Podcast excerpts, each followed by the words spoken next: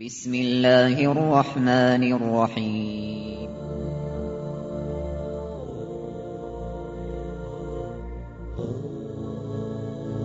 الرحمن العزيز الرحيم القوي السلام الكريم العظيم البصير العليم الحكيم الجبار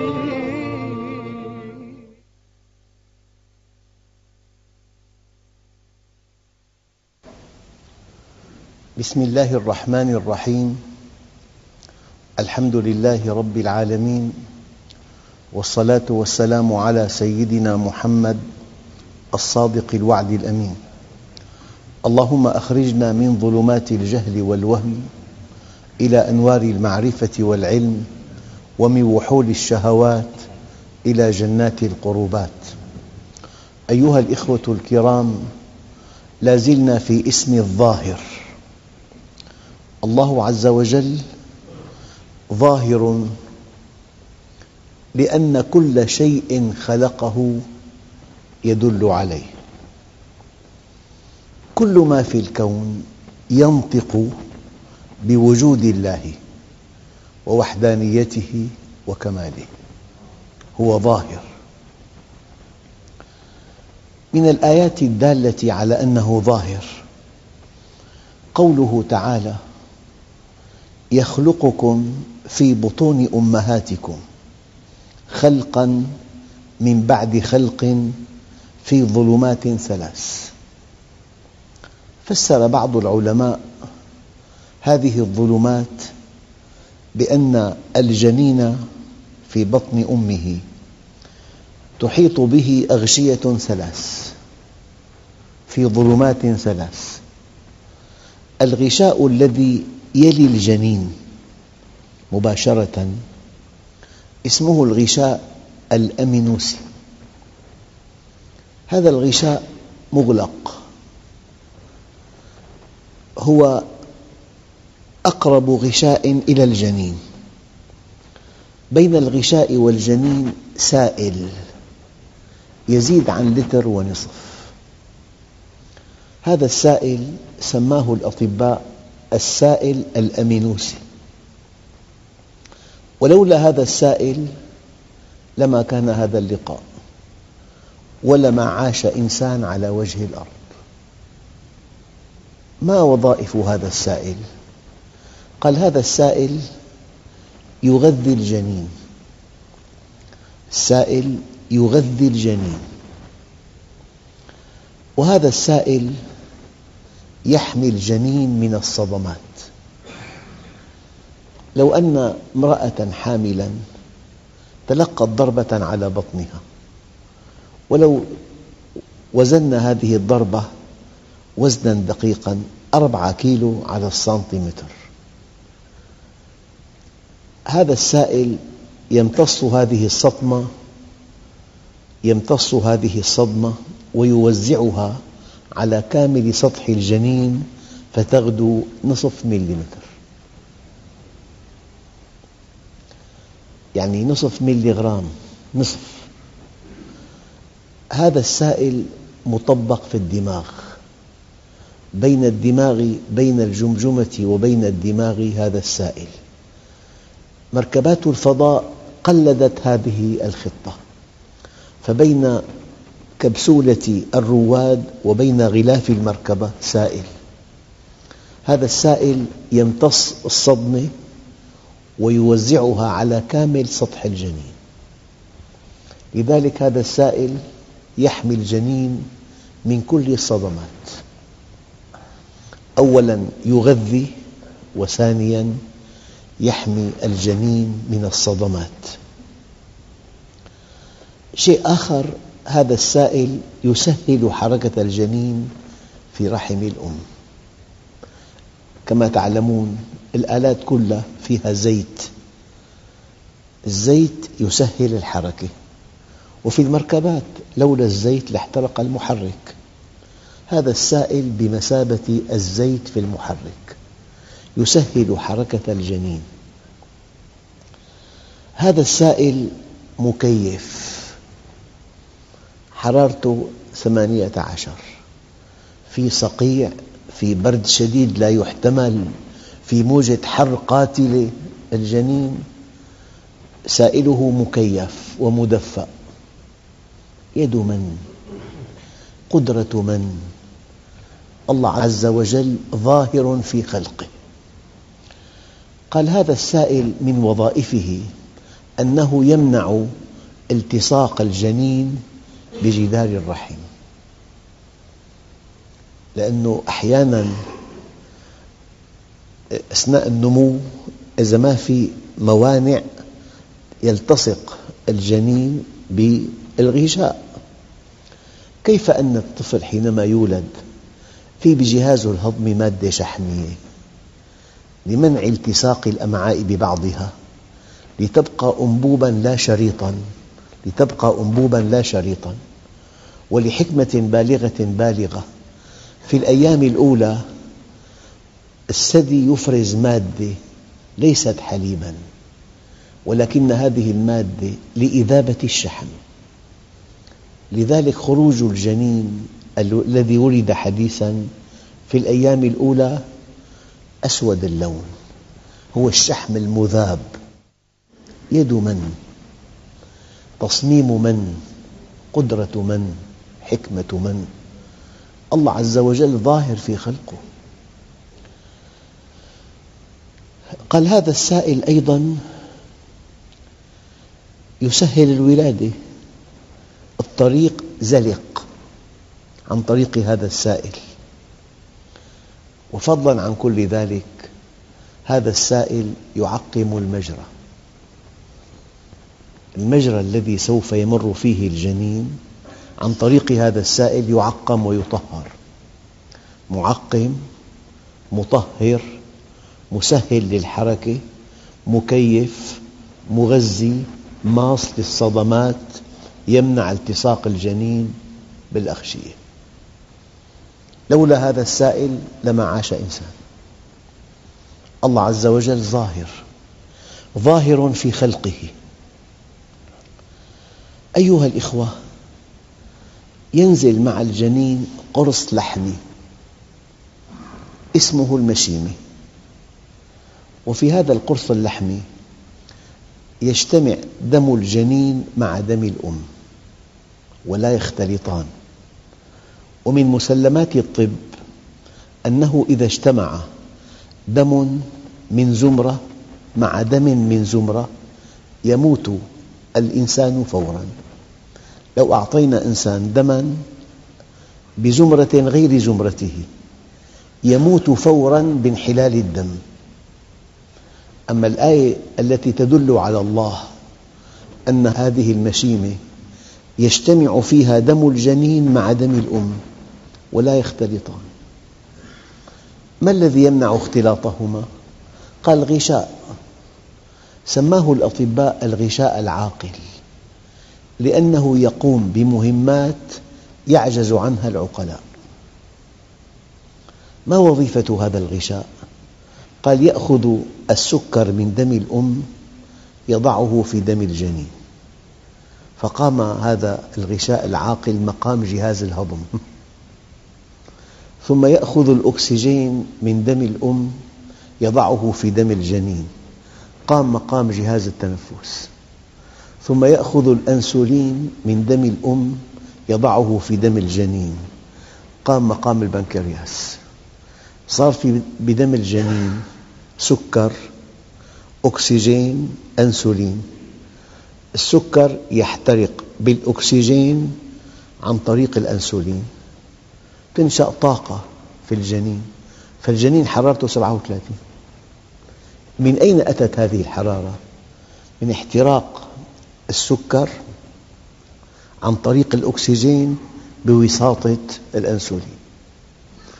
من نتائج هذا الاحتراق غاز الفحم ثاني أكسيد الكربون. الغشاء العاقل يأخذ غاز الفحم من دم الجنين يضعه في دم الأم. لذلك جزء من نفس الأم نفس جنينها. يد من؟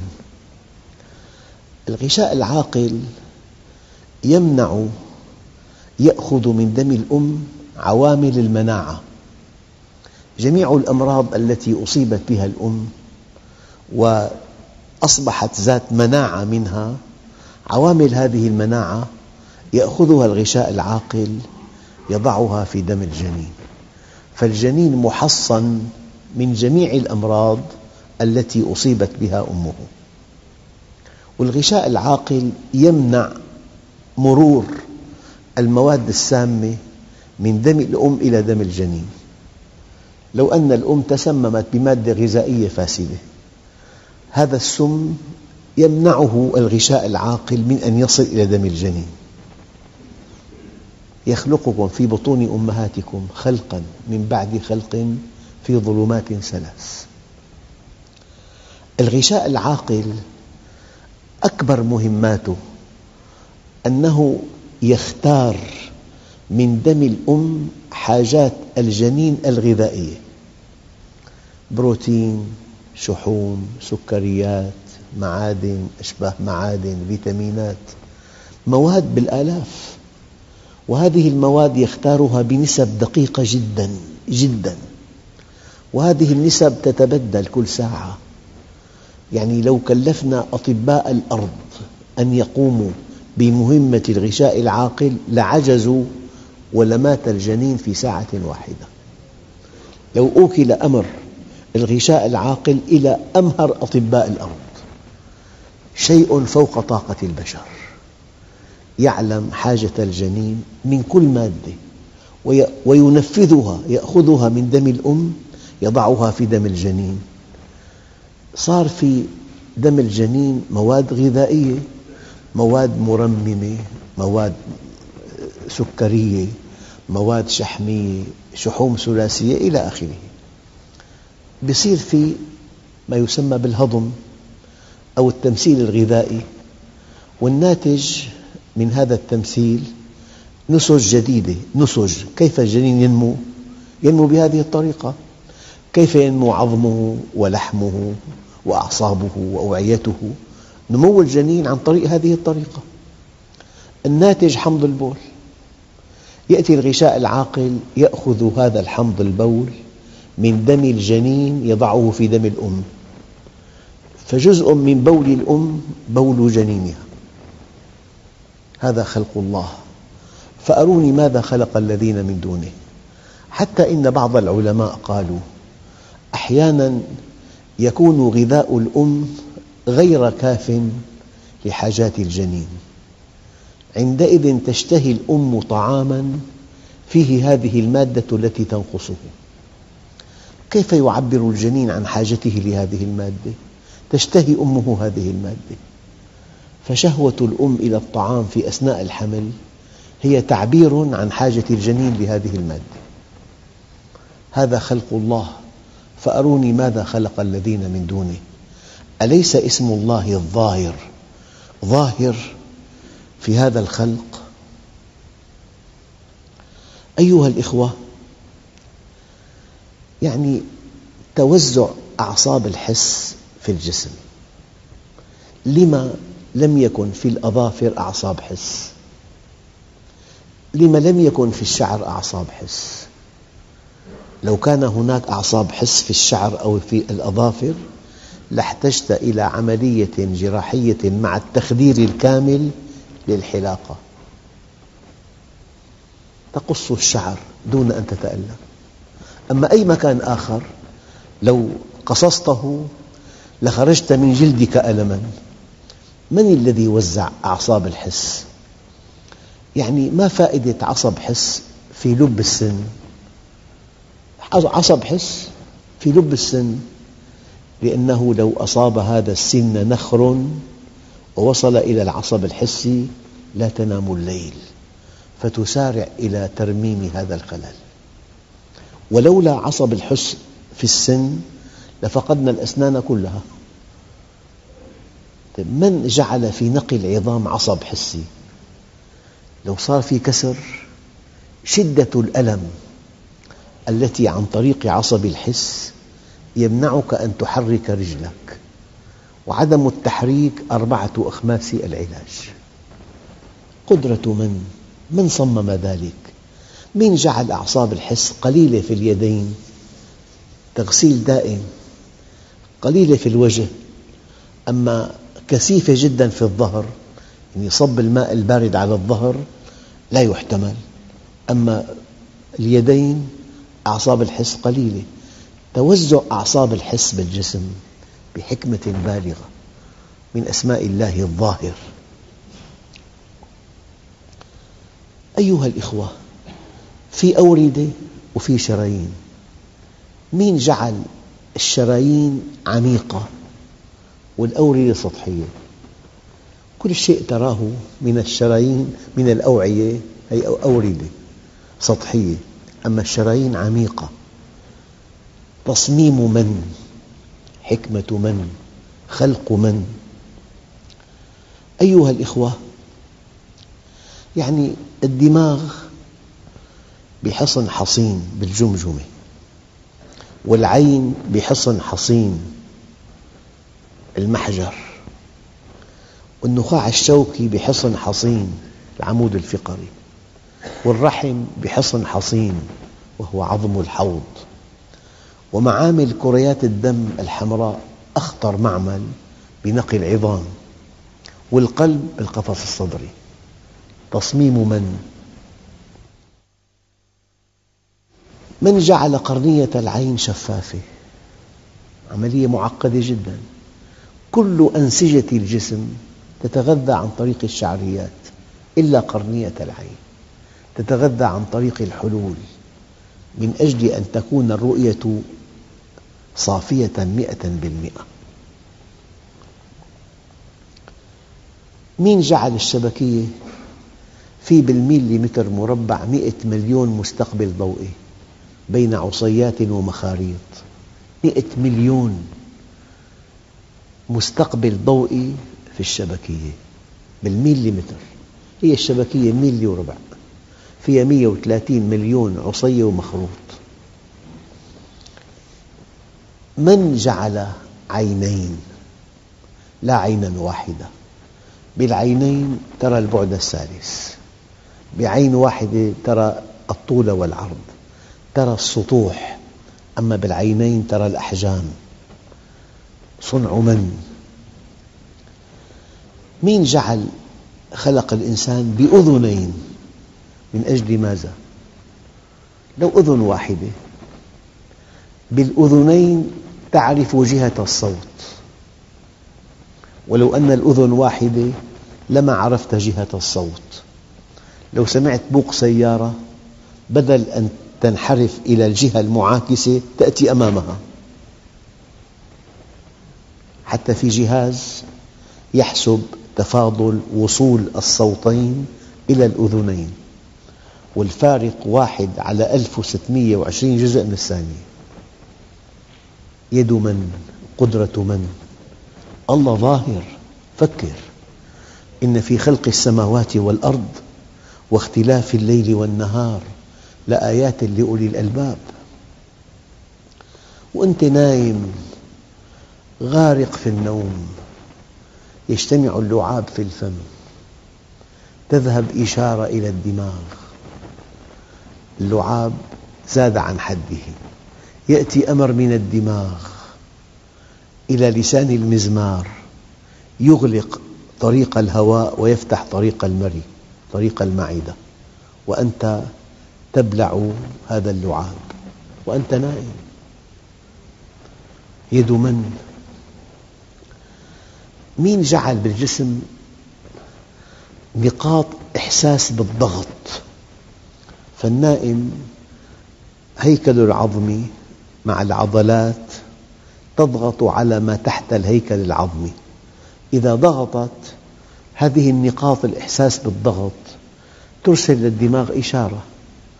ضغطنا يعني الأوعية الدموية ضاقت لمعتها يعني شعرت بالتنميل والخضران. يجي أمر تقلب وأنت نايم ونقلبهم. ذات اليمين وذات الشمال.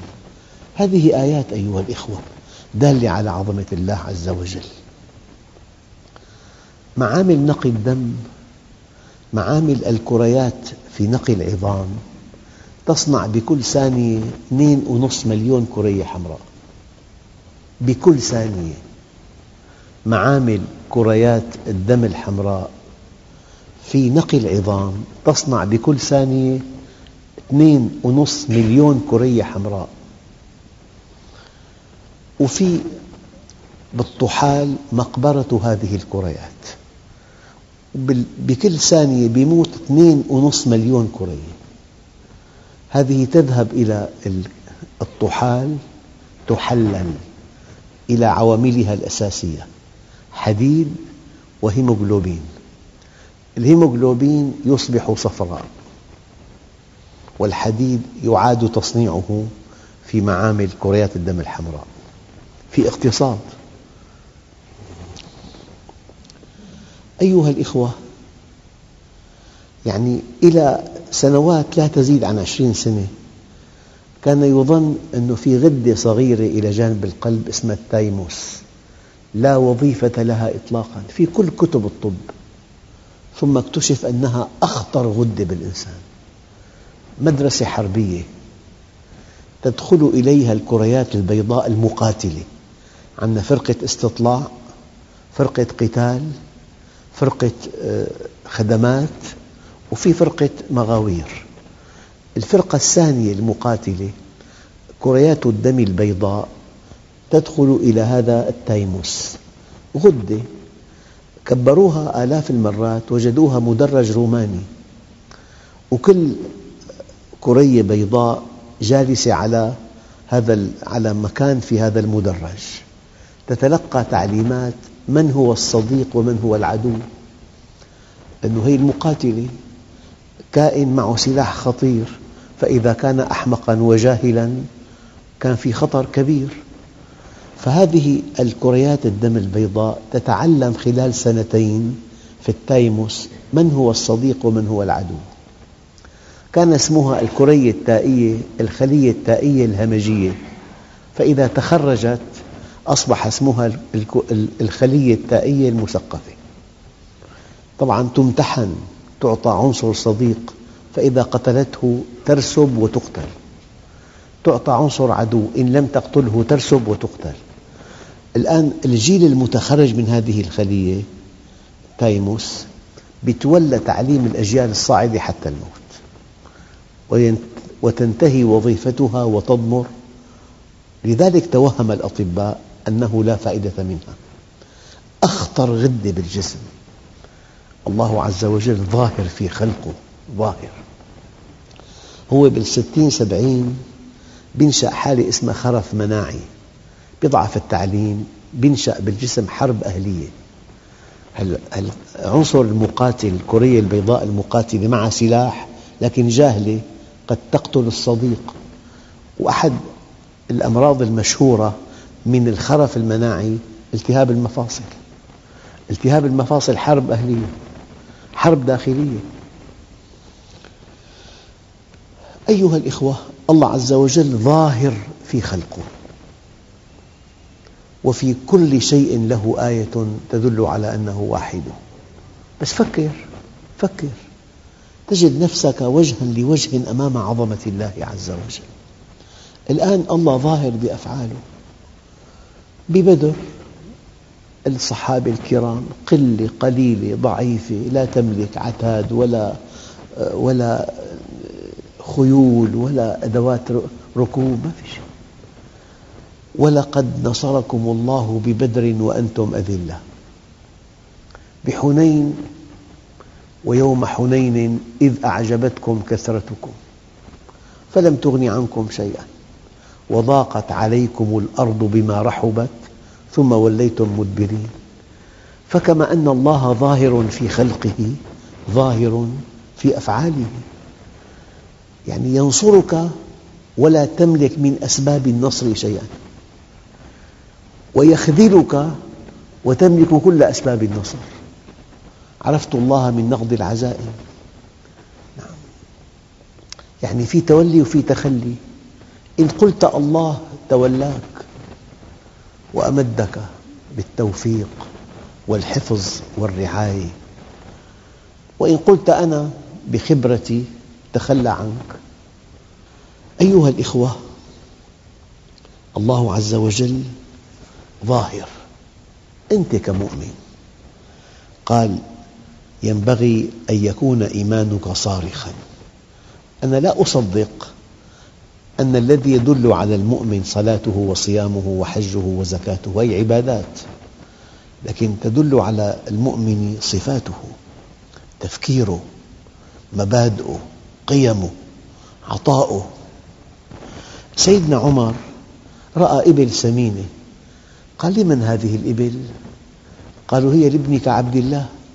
فغضب. قال ائتوني به. جاءوا به. وجدوا غاضب. قال له لمن هذه الإبل؟ قالوا هي لي يا أبتي. اشتريتها بمالي وبعثت بها إلى المرعى لتسمن. فماذا فعلت؟ قال له ويقول الناس ارعوا هذه الإبل فهي لابن أمير المؤمنين. أسقوا هذه الإبل فهي لابن أمير المؤمنين. وهكذا تسمن إبلك يا ابن أمير المؤمنين. بع هذه الإبل وخذ رأس مالك ورد الباقي لبيت مال المسلمين. المؤمن صارخ بإيمانه بمبادئه بقيمه بورعه باستقامته. سيدنا عمر بن عبد العزيز دخلت عليه زوجته فاطمة بنت عبد الملك. رأته يبكي في مصلاه. قالت له ما لك تبكي؟ قال دعيني وشأني. فلما ألحت عليه قال ويحك يا فاطمة. إني وليت أمر هذه الأمة فرأيت المريض الضائع والفقير الجائع والأرملة الوحيدة والشيخ الوقور وذي العيال الكثير والرزق القليل والمأسور والمظلوم وابن السبيل في أطراف البلاد فعلمت أن الله سيسألني عنهم جميعا وأن خصمي دونهم رسول الله. فخفت ألا تثبت حجتي فلهذا أبكي. ما يدل عليك صلاتك فقط يدل عليك مبادئك يدل عليك ورعك يدل عليك عملك الصالح خدمتك للناس. المؤمن ظاهر. أما الآن الفرق فقط بالصلاة سلوك واحد. إن لم تكن مبادئك وقيمك ومواقفك وبطولتك صارخة فلست مؤمنا. الإيمان بطولة. لذلك كما أن الله ظاهر في خلقه وفي أفعاله والمؤمن ظاهر في مبادئه وفي قيمه. والحمد لله رب العالمين. بسم الله الرحمن الرحيم. الحمد لله رب العالمين. والصلاة والسلام على سيدنا محمد الصادق الوعد الأمين. اللهم أعطنا ولا تحرمنا أكرمنا ولا تهنا آثرنا ولا تؤثر علينا أرضنا وارض عنا. وصلى الله على سيدنا محمد النبي الأمي وعلى آله وصحبه وسلم. والحمد لله رب العالمين. الفاتحة.